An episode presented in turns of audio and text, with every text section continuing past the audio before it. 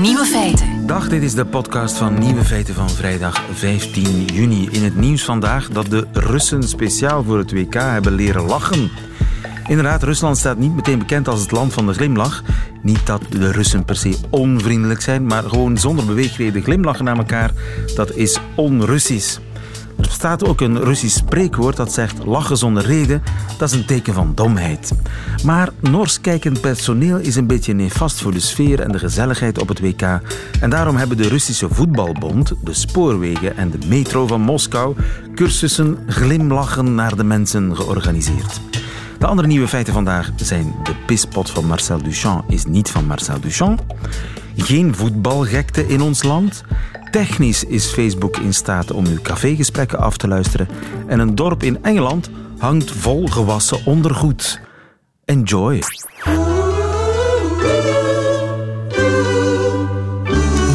Feiten. Die beroemde omgekeerde pispot, dat kunstwerk uit 1917 alweer. Ooit uitgeroepen tot meest invloedrijke moderne kunstwerk ooit. Van wie is dat kunstwerk, denkt u? Van Marcel Duchamp natuurlijk. Fout. Het is barones Elsa von Freytag-Loringhoven. Goedemiddag, Theo Paimans. Ja, goedemiddag. Journalist en schrijver. Ja, er is al langer twijfel over het uh, auteurschap van Fountain, zoals dat kunstwerk heet. Maar u Ja. weet het zeker? Ja, ik weet het eh, zeker. Elsa von Freytag-Loringhoven. Wie is dat? Elsa Freitag van Loringhoven was een, eh, een kunstenares, een, een pionierende kunstenares uit de New Yorkse Dada-scene eh, van de jaren 20. New Yorks, Van de maar eigenlijk van. Duitse oorsprong. Ze was oorspronkelijk eh, van Duitse oorsprong. Ze kwam met haar eerste man naar Amerika in 1911, 1910, 1911. En daar ontpopte ze zich al snel als een, eh, een baanbrekende kunstenares. Eh, de kunst die zij maakte, en dat is interessant om te kijken naar Fountain, op die manier te kijken naar Fountain. De kunst die ze maakte, maakte zij ook van bijvoorbeeld dingen die ze vond in het vuilnis, dingen die ze vond in slooppanden. Dus het zou maar zo kunnen zijn geweest dat ze op die manier ook aan het urinoir is gekomen. Dus ze deed het wel meer van die ready-mates maken, van die, van die Ja, zeker, banale ja. voorwerpen verheffen tot kunstwerk. Dat was een beetje Ja. haar ding. Precies, en er is nog maar weinig van overgebleven, omdat mensen natuurlijk in het begin daar de waarde niet van zagen. Maar er is bijvoorbeeld één kunstwerk van haar nog te vinden in een museum in Philadelphia. En dat was ook eerst aan een andere kunstenaar toegeschreven. En uiteindelijk heeft het museum in Philadelphia als schoorvoeten toegegeven dat Elsa van Freitag toch echt daar de maker van was. Ja. Maar wacht eens Dus even, het- urinoir is toch gesigneerd met R.mut, met twee T's? Juist, en dat is weer een aanwijzing. Want als we weten dat Elsa van Duitse afkomst was... en ermut namelijk ook fonetisch uitgesproken kan worden als armoed... het Duitse woord voor armoede... dan heb je weer een evident stukje van de puzzel. Oké, en, en hoe komt dat urinoir dan bij Duchamp terecht? Dat werd opgestuurd vanuit Philadelphia. En de grap is dat Duchamp op dat moment ook niet in Philadelphia woonde... maar in New York. Maar wie woonde er wel in Philadelphia? Elsa van Freitag. Oké, en dat is opgestuurd naar New York om mee te Ja. doen aan een tentoonstelling. Ja, en eh, van, van avant-garde kunstenaars. Iedereen die een bepaald bedrag betaalde kon daar laten zien wat hij wilde. Het was om te, hè, de bedoeling om avant-gardistisch eh, te werk te gaan.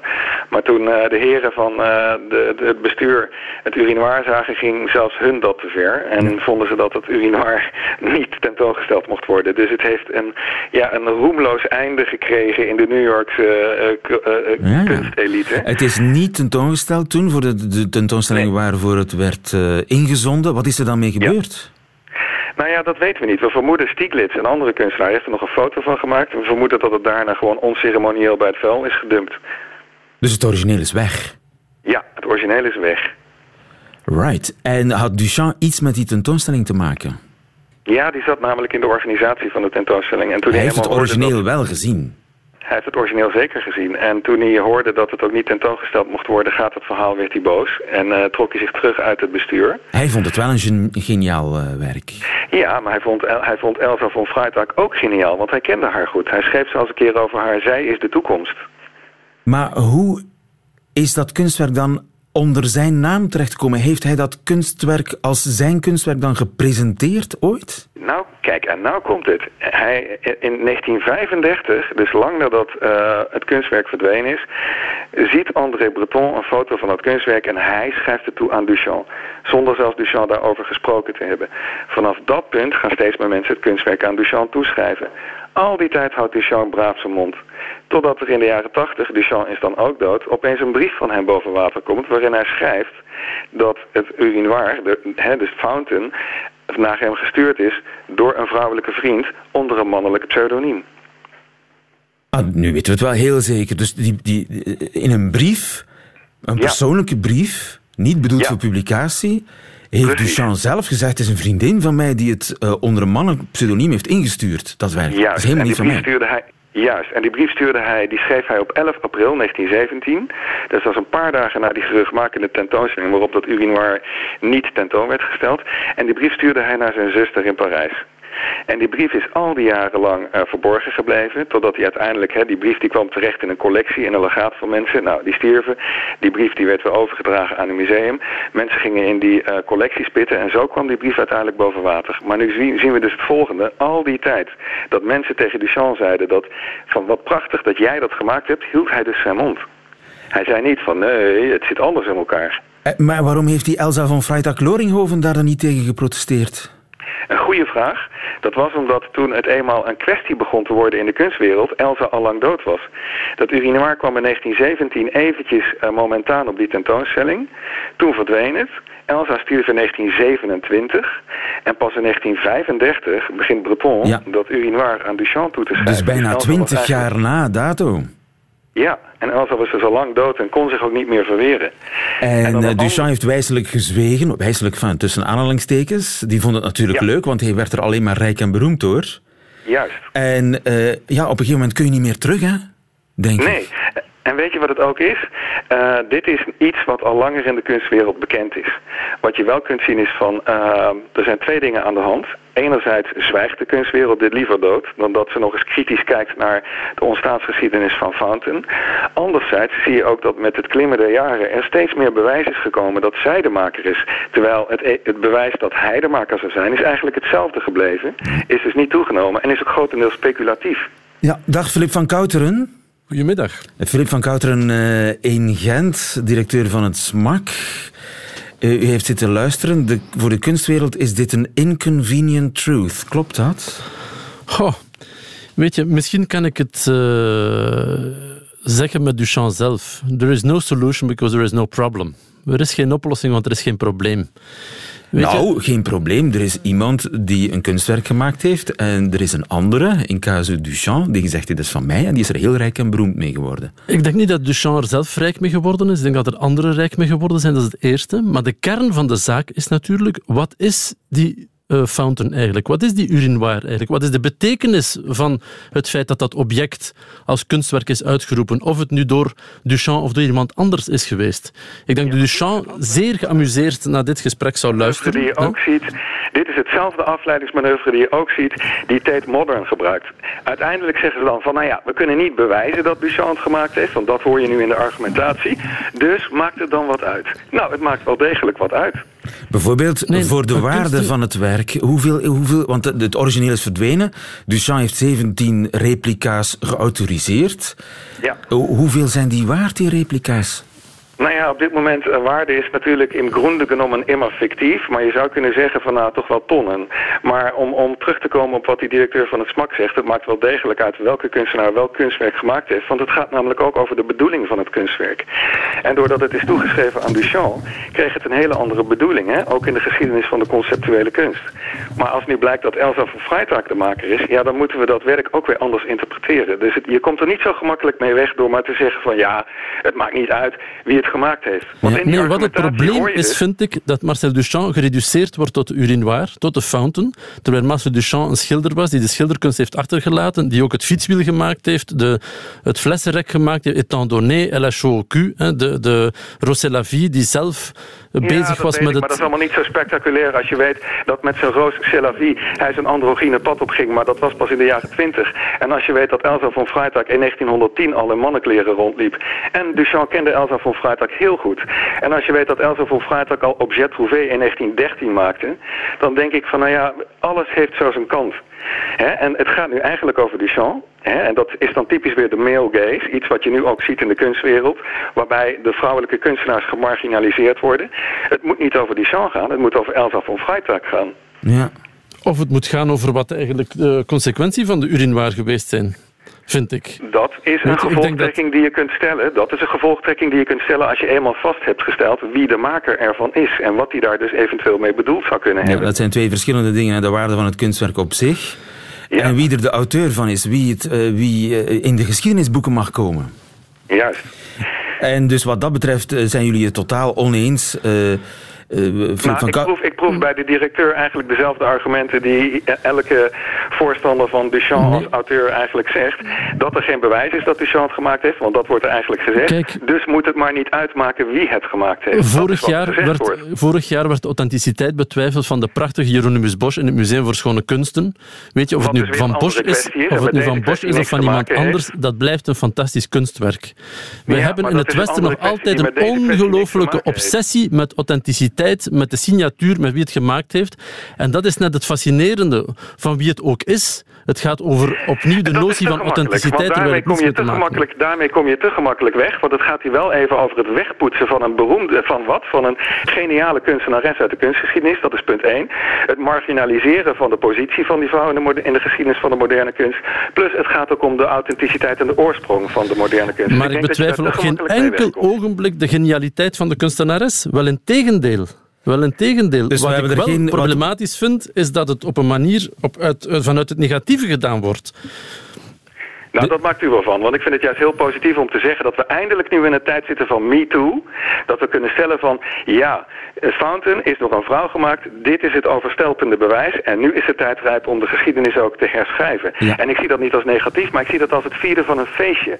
Als het terugkeer van een geniale kunstenares in de kanon van de kunstgeschiedenis. Ja, ere wie uh, ere toekomt. Ere toekomt. En de vraag is uh, of Duchamp die eer die hij nu krijgt, uh, wel verdient. Daarover zijn de meningen heel duidelijk verdeeld. Nou, hij verdient wel eer, want hij was ook een kunstenaar. Maar hij verdient niet de eer voor dit specifieke kunstwerk.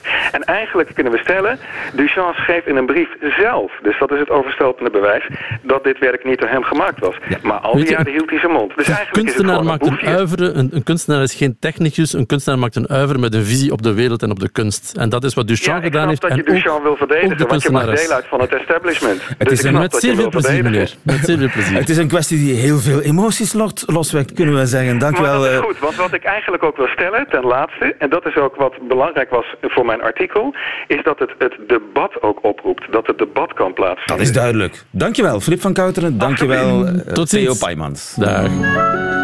Nieuwe feiten. De ontdekking van België. Altijd het zonnetje in huis. En zeker ook vandaag. Sander van Horen, onze kandidaat Belg, eh, correspondent voor de Nederlandse televisie in België. Na een uh, tiental jaar in het Midden-Oosten te hebben gewoond en gewerkt, heb jij een nieuwe standplaats gekregen sinds september. Met name België. Mm -hmm. Jouw inburgeringstraject volgen we elke vrijdag. Yeah. Om te checken hoe Belgisch je al bent geworden. En tegelijkertijd hou jij onze spiegel voor. Wat is jou deze week uh, opgevallen? Nou, wat me vooral niet is opgevallen eigenlijk. Zijn de? De voetbalgekte. Waar is ze? Ja.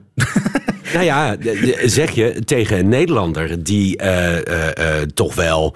Ik bedoel, ik heb niks met voetbal. Ik heb al helemaal niks met grote feestjes eromheen. Maar ik had zeker in het buitenland altijd wel oranje vlaggetjes, petjes. Al was het maar omdat ze dan ook kunnen dubbelen met Koninginnedag. Maar hier, nou, ik maak redelijk lange wandelingen in de weekenden door met name Vlaanderen, maar ook Wallonië. En ik, ik, ik zag afgelopen weekend voor het eerst een, een huis met twee hele voorzichtige vlaggetjes. En op de auto ook. Maar voor de rest alle. Um, uh, prularia ligt nog uh, opgetast in de supermarkten. waarom, waarom zijn jullie niet gek, is dan mijn vraag. En heb je daar al een antwoord op bedacht? Ja, nee, eigenlijk niet. Uh, dat schijnt uh, toch wel iets Belgisch te zijn. Uh, ik heb me zelfs laten vertellen dat het twee en vier jaar geleden, dus tijdens het EK aan het vorige WK, dat misschien eigenlijk nog wel meer was dan, dan nu. Of dat het eigenlijk misschien alweer een beetje over het hoogtepunt heen is. En misschien is het ook wel heel gezond dat je, dat je eerst een beetje aankijkt hoe het loopt. En op het moment dat er goed gespeeld wordt, dan, dan ga je eens enthousiast worden. Aan de andere kant, ja, een supporter, dat ben je of dat ben je niet. Dat zeg ik dan ja. als niet-voetballer. Maar, ja. het, maar in, mocht Nederland, Nederland is niet geplaatst. Ik wil trouwens wel even, want uh, er is wel degelijk een, revolutie geweest in België. Uh, door het WK. En dat zal waarschijnlijk niemand zijn opgevallen. Maar let maar eens op. De mensen in Rusland, de Belgische verslaggevers in Rusland, die hebben een microfoon met RTBF Spoor en Sporza erop. Had ik nog niet eens gezien. Nee, nou kijk, kan dat je is, nagaan. Dat is een, een revolutie. Die, dat, dat lijkt me wel een revolutie, want uh, zo'n samenwerking die zie je zelden. En dat dan ook nog eens in beeld tussen de VRT en de RTBF. Ik kreeg er wel een, een redelijk warm gevoel van, warm moet ik gevoel. En uh, wat jou opvalt is ons gebrek aan ja, nationale trots weer. Ja, uh, tegelijkertijd moet in ik Nederland was het kampioenschap al bijna gewonnen. En hadden we beelden gehad nu van straten die compleet ja. oranje en rood-wit-blauw kleurden. En, Living the dream. Wie het meest buitennissig is eigenlijk. Want dat, dat is natuurlijk wel, daar hebben we het al eerder over gehad in deze context. Dat uh, Nederlanders die uh, laten zich erop voorstaan dat ze uh, zich niet laten gaan. Behalve dan met Koninginnedag en als Nederland voetbalt. En dan gaan we ook bij de NOS all out. Dan, ja, krijg je dan dus... is het echt collectief. Het hele land doet mee. En dus vind ik het eigenlijk wel lekker dat we een keer niet meedoen. Ja. Kijk maar eens naar ons journaal gisteravond. Daar hadden we beelden van de openingsceremonie. En David-Jan Godfraude, onze correspondent daar. Hoe zit het met de mensenrechten in Rusland? En waarom was er niemand op het feestje van ja, Poetin? Ja, het houdt je helder. Het houdt je helder. Terwijl hier krijgen we nota bene. Ik bedoel, die notie van die mensenrechten... en dat er weinig regeringsleiders zijn... dat de koning er niet is, dat de eerste minister er niet is... dat misschien DJ Reinders later nog een keer zal gaan met de koning. Dat zat meer bij de RTBF overigens dan bij de VRT. Bij de VRT, was, die gingen helemaal mee in het voetbalfeestje van, uh, van, van Poetin. Ja, ja. He, uh, inclusief een wedstrijdverslag la ook bij de RTBF van uh, Saoedi-Arabië-Rusland. Ik denk dat de gemiddelde degradatiewedstrijd hier in het Belgisch voetbal interessanter is om uit te zenden. Maar goed, ja. je, je, doet het dan. En dan ga je dus, als je meedoet aan het uh, WK... en dit is geen kinderzinnen van iemand die niet meedoet aan het WK hoor. Ik heb echt helemaal, het zal me wat dat betreft... om het in het Nederlands te zeggen, worst wezen of roesten. Um, maar het niet meedoen aan het WK maakt je dus kennelijk wel journalistieker. Want omgekeerd, stelde ik net al vast, maken wij ook die fout. Op het moment dat Nederland wel meedoet, gaan bij ons ook alle remmen los. Ja. Nu, we hebben geen nationale trots. Het, de Nederland is wat dat betreft ook positiever ingesteld. Het zal allemaal wel lukken. Wij wachten af. Ja, de koning Belgisch. die zegt, je moet goed je best doen. Daar komt het eigenlijk op neer. Alsof een speler dat niet had, uh, had verzonnen. En dan inderdaad ook een bondscoach die, die de, nou ja, niet zozeer de verwachting tempert, maar die de doelen alvast bijstelt. Als we de tweede ronde ja. halen, zou het al heel fijn zijn. Ja. Nee, je moet voor goud gaan. Dat is wat de bravoure die Nederlanders in elk geval hebben. Maakt de teleurstelling natuurlijk ook groter op het moment dat je sneuvelt in de halve finale. Wij zijn depressief eigenlijk. Wij verwachten het, uh, ja. het slechtste. Maar goed, we komen pas dit... echt buiten als het echt goed... Dat, dat, er is heel wat meer voor nodig om dat Belgische nationale gevoel aan te wakkeren dan gewoon geplaatst zijn voor het WK. En toch is dat iets wat uh, heel diep gaat, want dat Nederlandse nationale gevoel, de zo het zoeken daarnaar, dat uh, vertaalt zich dus nu naar de Belgen. Want gisteren een onderzoek van de NOS en de regionale je hebt het ongetwijfeld gezien, wij steunen jullie. Ja, bij gebrek aan onszelf dank. steunen we voor een deel Marokko, voor een deel Duitsland, maar toch vooral de Belgen. En toen ik dat gisteren tegen een aantal mensen zei, zei eigenlijk iedereen hier in België, omgekeerd zou dat niet zo zijn. Calimero, hè. Is dat het lieve? Dat is het Calimero-effect. Wij voelen ons nog altijd uh, klein tegenover de Nederlanders. Maar gaat dat dus zover dat op het moment dat je dus uh, uh, moet kiezen tussen een team, niet zijnde jezelf, dat je dan dus niet voor Nederland kiest, ook al is het je buurland? Ik wel, hè, Sander? Ja, maar ja. Oké. Okay, maar... maar de rest van België, ja, dat, dat weet ik helemaal niet zeker. Maar, maar nee, we, dan... we zijn aangekomen, Sander, bij iets wat je elke week probeert te ontwijken. En ik had gehoopt het deze keer ook weer te doen. De woordentest. En het, het zijn vandaag geluidsfragmenten. Oké. Okay. We zoeken een naam. Een household name, om het in het Nederlands te zeggen. Wie is dit? Ja! Goal! Goal, goal, goal! Nee? Fantastisch. Daar is hem! Daar is hem! Daar is hem, daar is hem. Daar is hem, daar is hem. Gaat het om de commentator of over wie dit heeft? Moeder! Dag moeder! Het gaat over de naam van de commentator. Wie is het? Ja, ik krijg, als ik zo meteen op de redactie van de NOS hier in Brussel kom, krijg ik op mijn flikker dat ik dit niet weet.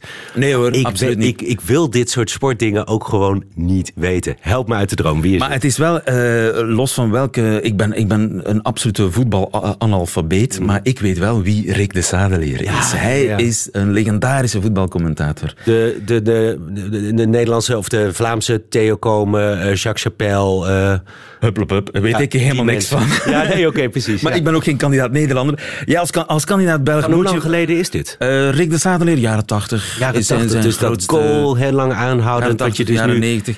De man is helaas niet meer onder ons. Maar hij levert ons ook eh, een tweede eh, vraag. eh, namelijk... Moet er nog zand zijn? Moet er nog zand zijn? Wat betekent moet er nog zand zijn? Ja, aan zijn enthousiasme te horen leid ik af dat er net gescoord is. Moet er nog... Nee. Nu, eigenlijk weet, het, weet niemand wat het betekent. Moet er nog zand zijn? De oorsprong zou kunnen te vinden zijn bij het zand dat vroeger op de vloer van cafés werd gestrooid. Juist. En het is eigenlijk een algemene uitroep van verwondering. Kan het nog erger? Gekker. Kan het nog sp- gekker? Kan het nog gekker? Potjandori. Moet er nog zou- zand moet er nog zijn? zand Wat zou, hem het Ne- fantastisch. wat zou ze in Nederland zeggen? Getver de Getver? Of- Nee, nee, nee, dat niet. Ik, ik weet hem niet, maar dat niet. Nee. Oké. Het moet niet gekker worden. Het moet niet, kan het nog, het moet niet gekker worden. Het moet niet gekker worden. Moet er nog zand zijn? Ze gaan lopen, ze gaan lopen. Daar is hem, daar is hem.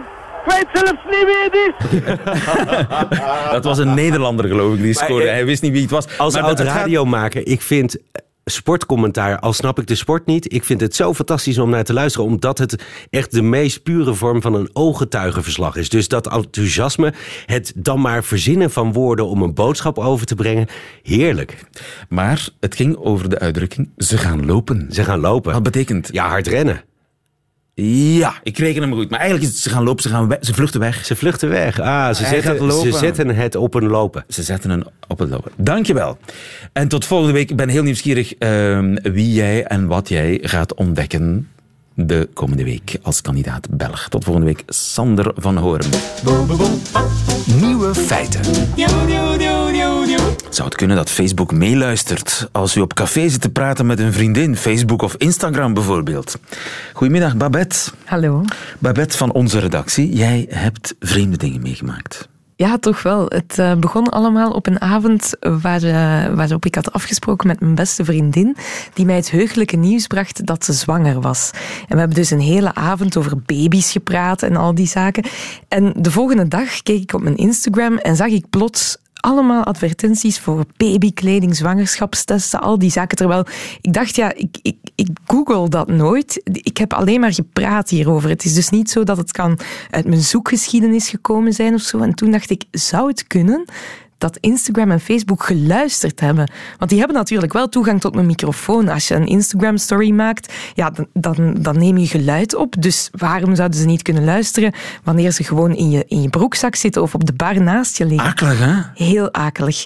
En toen dacht ik, ja, ik wil dat toch even verder onderzoeken. Dus dan heb ik afgesproken met mijn vriend dat we allebei merken zouden gaan noemen en daarover zouden gaan praten als onze gsm's op tafel lagen. Dus jullie hebben echt het best Zonder- gedaan. Ja, we hebben het echt. We, we zeiden we moeten dat gewoon weten. Ik had dat tegen mijn vriend gezegd en die zei ja, dat is toch wel vreemd. Ik wil dat ook wel weten. Dus wat hebben we gedaan? We zijn naar de supermarkt getrokken en we zijn daar in de drankenrayon gaan staan en we hebben gezegd tegen elkaar wat drinken wij nu nooit? Hè? Om echt te proberen uitsluiten van hè, dranken die je ooit al eens gegoogeld hebt of weet ik veel wat. We hebben echt verschillende drankjes genomen waarvan we dachten nee, dat is echt niks voor ons. Dat ziet er ook vies Chartreuse. uit. dat soort dingen. En Mexicaanse bieren en al die zaken. En dan hebben we heel bewust een aantal dagen gesprekken daarover gehad. En wat bleek, eigenlijk binnen de twee à drie dagen hadden wij custom-made advertenties in onze timeline staan. Jawel. Misschien ben ik paranoïde, hè? dat kan ook. Maar Bart de Boer, goedemiddag. Goedemiddag. Van de VUB, Bart, je hebt mee zitten luisteren. Jazeker. Met stijgende verbazing, of denk jij, ja, ja, tuurlijk, zo gaat dat. Het is inderdaad wel wonderlijk. Eh, aan de ene kant denk ik van ja, technisch kunnen ze, het, eh, kunnen ze dat wel. Dat is natuurlijk vraag nummer één. Hè. Is het technisch mogelijk dat een social media bedrijf Facebook, Instagram, whatever, dat die eh, ongevraagd meeluistert. Ja, dus in principe is dat technisch mogelijk. Alleen ik denk dat je het wel heel snel zou merken aan bijvoorbeeld het uh, dataverbruik of het batterijverbruik van je telefoon. Uh, um, want als die microfoon constant registreert, dan verbruikt je telefoon ook meer elektriciteit natuurlijk. Precies. En ook ja, die data uh, die moet verstuurd worden naar, naar Facebook en zo. En ja, dat, uh, dat zou een hele hoop extra werk en moeite zijn voor Facebook. En de vraag is dus of ze wat ze proberen willen, te willen bereiken, namelijk zo precies mogelijk advertenties op jou afsturen, uh, of het daar echt nodig voor is. Want ze hebben eh, alle mogelijke andere informatie waarop ze zich kunnen baseren. Ja, precies. Dus het is helemaal niet nodig dat jij uh, bijvoorbeeld die, die babyspulletjes uh, googelt. Als jij alleen maar een, een, website opzoekt over babyspulletjes, dan weet, uh, weten Google en Facebook dat ook al. Als iemand uit jouw sociale netwerk of als je hele sociale netwerk opeens babyspulletjes gaat zitten googlen, omdat ja, die vriendin is in verwachting, dus iedereen denkt van goh, wat zouden we haar cadeau kunnen doen? Ja, dan heeft Facebook ook door dat er opeens iemand in dat netwerk in verwachting ja. moet zijn. Dus technisch is het mogelijk, ethisch is het afschuwelijk, hè? Ja, het is onwaarschijnlijk dat ze het ook echt doen. Want het commerciële risico is veel te groot. Als het ja, ooit het... uitkomt, dan hangen ze. Ja, en het is niet nodig, omdat je al uh, vanzelf zoveel informatie via je telefoon verspreidt dat ze helemaal niet die microfoon hoeven af te luisteren. Ja, en als ze dat nu zelf willen checken, stel de mensen die nu zitten te luisteren, die zeggen van ja, ik wil dat nu eigenlijk ook wel eens onderzoeken of dat is. Wat, wat, eh, kan je zo een, een soort van handleiding, de do's en de don'ts, als je zelf uh, Babette achterna wil uh, gaan checken of je telefoon uh, je afluistert, of Google ja. of Facebook of Instagram je afluisteren? Ja, het belangrijkste is dat je weet, dus je, mensen zijn ontzettend goed in het zichzelf voor de gek houden. Dus dat is eigenlijk wat het belangrijkste uh, doel van wetenschap is te voorkomen dat je jezelf als onderzoeker voor de gek houdt. Ja. Nou, er zijn hier twee manieren waarop je je voor de gek kunt houden. Uh, het ene heet confirmation bias. Dus je hebt het over bijvoorbeeld, uh, wat was het, drankjes of babyspulletjes. En opeens zie je die advertenties. Maar misschien dat je daarvoor die advertenties ook al gezien had. Maar uh, dat zie je niet opgevallen waren. En juist het feit dat je besloten hebt om het erover te hebben, zorgt ervoor dat, je opeens, dat het je opeens opvalt. Ja, dat, dat begrijp ik, uh, ja. En het, het tweede ding is dat het heel erg moeilijk is uh, om echt iets willekeurigs te bedenken. Ja je kunt wel denken dat jij willekeurig bedacht hebt uh, om, om een drankmerk te noemen. Maar die supermarkt doet natuurlijk ook zijn best ja. om drank onder de aandacht te brengen. En sterker nog, als die supermarkt drank adverteert, een van de dingen die ze gaan doen is natuurlijk ook Facebook in de arm nemen. En ervoor zorgen dat, hè, als zij weten. Ja. Dus niet gemakkelijk om zo'n privéonderzoekje uh, te doen? Nou, ik kan, ik kan wel een paar tips geven. Ja dus een van de dingen is dat je ook van tevoren, bijvoorbeeld voordat je aan het onderzoek begint, eens een week uh, moet bijhouden van welke advertenties krijg ik nou echt te zien op Facebook en Instagram. Ja. He? En dat je dat dus echt objectief kan vergelijken met wat je daarna ziet. Dus dat je niet. Uh, Oké. Okay. Ja, dus dat is één heel belangrijk ding. Dus hou eerst maar eens een week van tevoren bij welke advertenties je gezien hebt. En daarna ga je dus praten over, over een onderwerp dat je gaat kiezen. En dat liefst dan, zo ver mogelijk van je leefwereld afstaat? Nou, dat, dat hoeft niet eens. Maar je moet het echt proberen willekeurig te verzinnen. En daar kan ik de volgende suggestie geven. Ja. Uh, dus je neemt een onderwerp. Je kiest een onderwerp. Bijvoorbeeld uh, de dranken die al genoemd zijn. En dan ga je zeggen van nou, ik ga een lijst maken met tien verschillende drankmerken erop. Ja die schrijf je in volgorde dat je ze kan bedenken. Of je gaat naar de supermarkt. Die schrijf je in volgorde van wat dat ze je opvallen, schrijf je ze op. Je gooit de eerste vier weg. Ja. Waarom? Omdat die veel te voor de hand liggen. Dus dat, is, dat zijn misschien net die merken die nu geadverteerd worden. Ja. Dus die gooi je weg. Dan hou je er zes over, pak je een dobbelsteen, die gooi je. Hè, en dan pak je het nummer van een dobbelsteen, pak jij dat Ja, drankmerk. ik noteer het allemaal. Dobbelsteen, ja? Ja. En dan, dan heb je een onderwerp, maar dat, kan, dat hoeft geen drankmerk te zijn. Hè. Dat kan ook een automerk zijn of, Ja, een, ja, of een, oh, een soort kamerplant. Of Ik hou van de dobbelsteen. Dat vind ik fantastisch. Ja. Ja, hè, dus, dus dan heb je echt iets dat... Random gekozen helemaal- is dat. Echt Niet eh, helemaal. Ja, zo random als het, als het op deze manier huis, tuin en keuken random. Ja, ja precies. En eh, daar ga je dan mee aan de slag. En dan ga je daarna een week lang turven van... Goh, ga ik echt die advertenties zien? En heel belangrijk, dit is echt het allerbelangrijkst... Weersta de verleiding om, om dat ook maar op te zoeken op Google... eh, eh, naar de website te gaan van dat merk of wat dan ook. Want dan is het onderzoek naar de, naar de vaantjes natuurlijk. Precies. Ik ben heel benieuwd of er mensen zijn die voor zichzelf dat onderzoek willen voeren op de manier zoals u er net eh, heeft beschreven. Eh, Babette, kunnen, kunnen mensen ergens een hashtag of waar, waar kunnen ze die, die eh, ervaringen delen met ons? Ik zou zeggen, sla aan de dobbelen en deel alles met de hashtag Nieuwe Feiten of meeleven naar Nieuwe Feiten uit Radio 1. Nieuwe feiten uit radio1.be. Bart, jij bent ook bereid om eh, de sterkste verhalen, om de onderzoeksresultaten voor ons een beetje door te lichten dan, over een paar weken?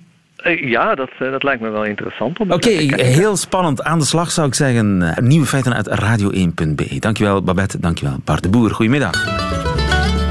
Nieuwe feiten.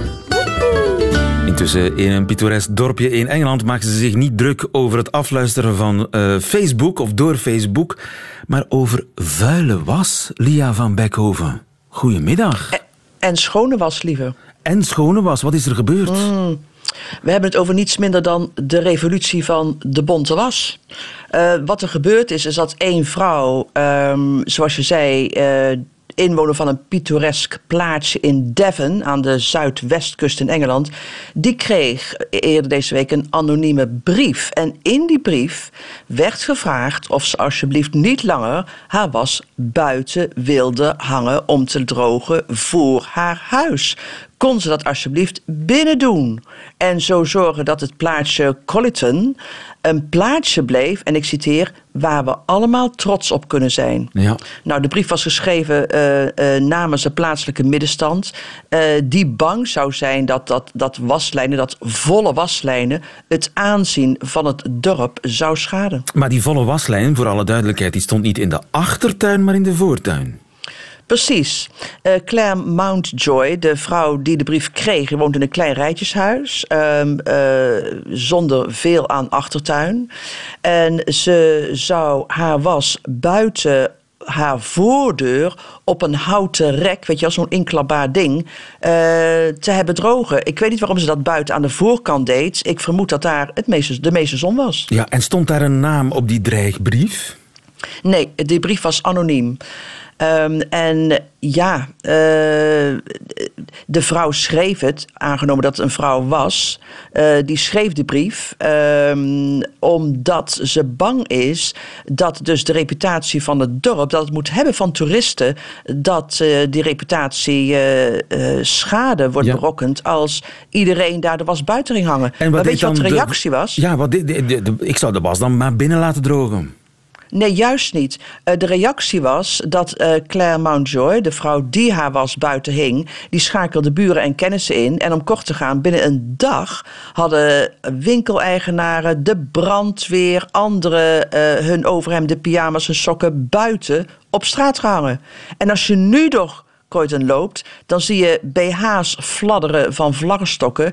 En dan zie je eh bonte was in de winkeletalages. Sterker nog, sterker nog lieve, er zijn plannen om er nu een, jaar, een jaarlijks feest van te maken. Dus dat je een dag hebt in juni, een wasdag, waar iedereen dus opzettelijk de was buiten aan de straatkant te drogen hangt. Want het zou juist dit verhaal meer toeristen naar het plaatsje gebracht hebben, die allemaal wel eens eh, die BH's willen zien wapperen in de etalage van de slager. Dus eh, wasdag elk jaar in dat pittoreske dorpje. En weten we intussen van wie de eh, brief afkomstig was? Heeft de Nog schrijfster steeds zich niet. gemeld? Ik, Nee, ik las een interview met, uh, met dus die Claire Mountjoy, hè, de, de, de, de, de schuldige, die die anonieme brief kreeg. Want het is nu echt een verhaal dat de hele Britse nationale pers gehaald heeft.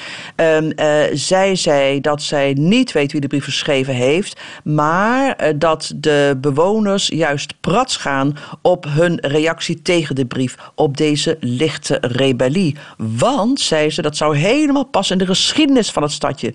Want de geschiedenis leert dat eind 17e eeuw Colliton bekend stond als het meest opstandige plaatsje in Devon. Er waren namelijk daar meer mensen die zich aansloten bij de protestantse verzetstrijders uh, die van de katholieke koning uh, Jacobus af wilden, dan elders in Devon. En zoals jij weet, lieve, is de, de, de stap van, van religieuze opstand naar waslijnen maar een hele kleine. Dankjewel, Lia van Beckhoven. Goedemiddag.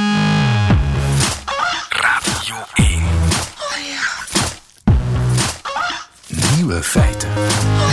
Kan het Britser dat uh, verhaal over die schone was die overal zelfs door de brandweer werd opgehangen in dat pittoreske Engelse dorpje uit protest tegen een anonieme briefschrijfster. Het middagjournaal nu van Bavo Klaas. Nieuwe feiten. Middagjournaal. Beste luisteraar, het gebeurt wel eens dat ik in een dag- of weekblad een interview met een bekende Vlaming zie staan van wie ik nog nooit gehoord heb. Ik kijk wellicht naar de verkeerde tv-programma's. Voor de rest valt me vooral op hoe vaak tv-bekendheden in interviews gevraagd wordt of ze ijdel zijn. En doorgaans geeft de geïnterviewde het uiterlijk toe. Wel ja, ik ben ijdel. Dat antwoord, luisteraar, verdient ons diepste respect. Onderschat zo'n bekentenis niet, ze vergt moed. Immers, ijdelheid wekt spotlust op. Ijdeltuiten zijn belachelijk. Om nog te zwijgen van het snoeiharde oordeel van onze moeder, de Heilige Kerk. Volgens haar is ijdelheid een van de zeven hoofdzonden. En zelfs de bron van alle hoofdzonden. Alle kwaad in de wereld en daarbuiten volgt uit die ene ondeugd waarvan de meeste BV's dus zeggen: ja hoor, ik beken. Nu kun je er vergif op innemen dat zo'n geïnterviewde daar te zijn verdediging aan toevoegt dat iedereen die voor zijn beroep op het scherm komt ijdel is en dat collega's die dat ontkennen hypocriet zijn. En ja, aangezien ook ik me, zo min of meer een eeuw geleden, met mijn dwaze kop decennia lang op de buis heb vertoond, denk ik spontaan, die heeft het over mij. Welnu, ik ben niet ijdel, nooit geweest. Ik wil wel bekennen dat ik trots ben. Dat is hetzelfde, zegt u, niet helemaal. Als je ijdel bent, vind je jezelf heel bijzonder, denk je dat ook de anderen je fantastisch vinden en wil je dat die anderen dat uitdrukkelijk laten weten. Je wil geprezen worden. Een trots persoon is ook zelfbewust, maar heeft geen behoefte aan andermans lof. De Vlaamse dichter Leonard Nolens heeft de twee termen voor goed geëikt met zijn uitspraak: ijdelheid is een gebrek aan trots. Maar terwijl ik u deze wijsheid aan het inlepelen ben, bekruipt me de twijfel. Misschien is het verschil toch minder groot dan ik wil geloven. De trotsaard heeft evenveel behoefte aan schouderklopjes, hij is alleen te hoogvaardig om het te tonen. Je zou de uitspraak van Nolens dus ook kunnen omkeren. Trots is verdrongen ijdelheid. Ja, zeg, ben ik hier zo'n beetje bezig u mijn ziel bloot te leggen. Dat was niet de bedoeling. Trouwens, ijdelheid of trots, iets zegt me luisteraar dat ook u er niet helemaal immuun voor bent. Ik vermoed dat uiteindelijk niemand ontsnapt aan enige milde vorm van eigendunk. Wie? Moeder Teresa? Dacht u?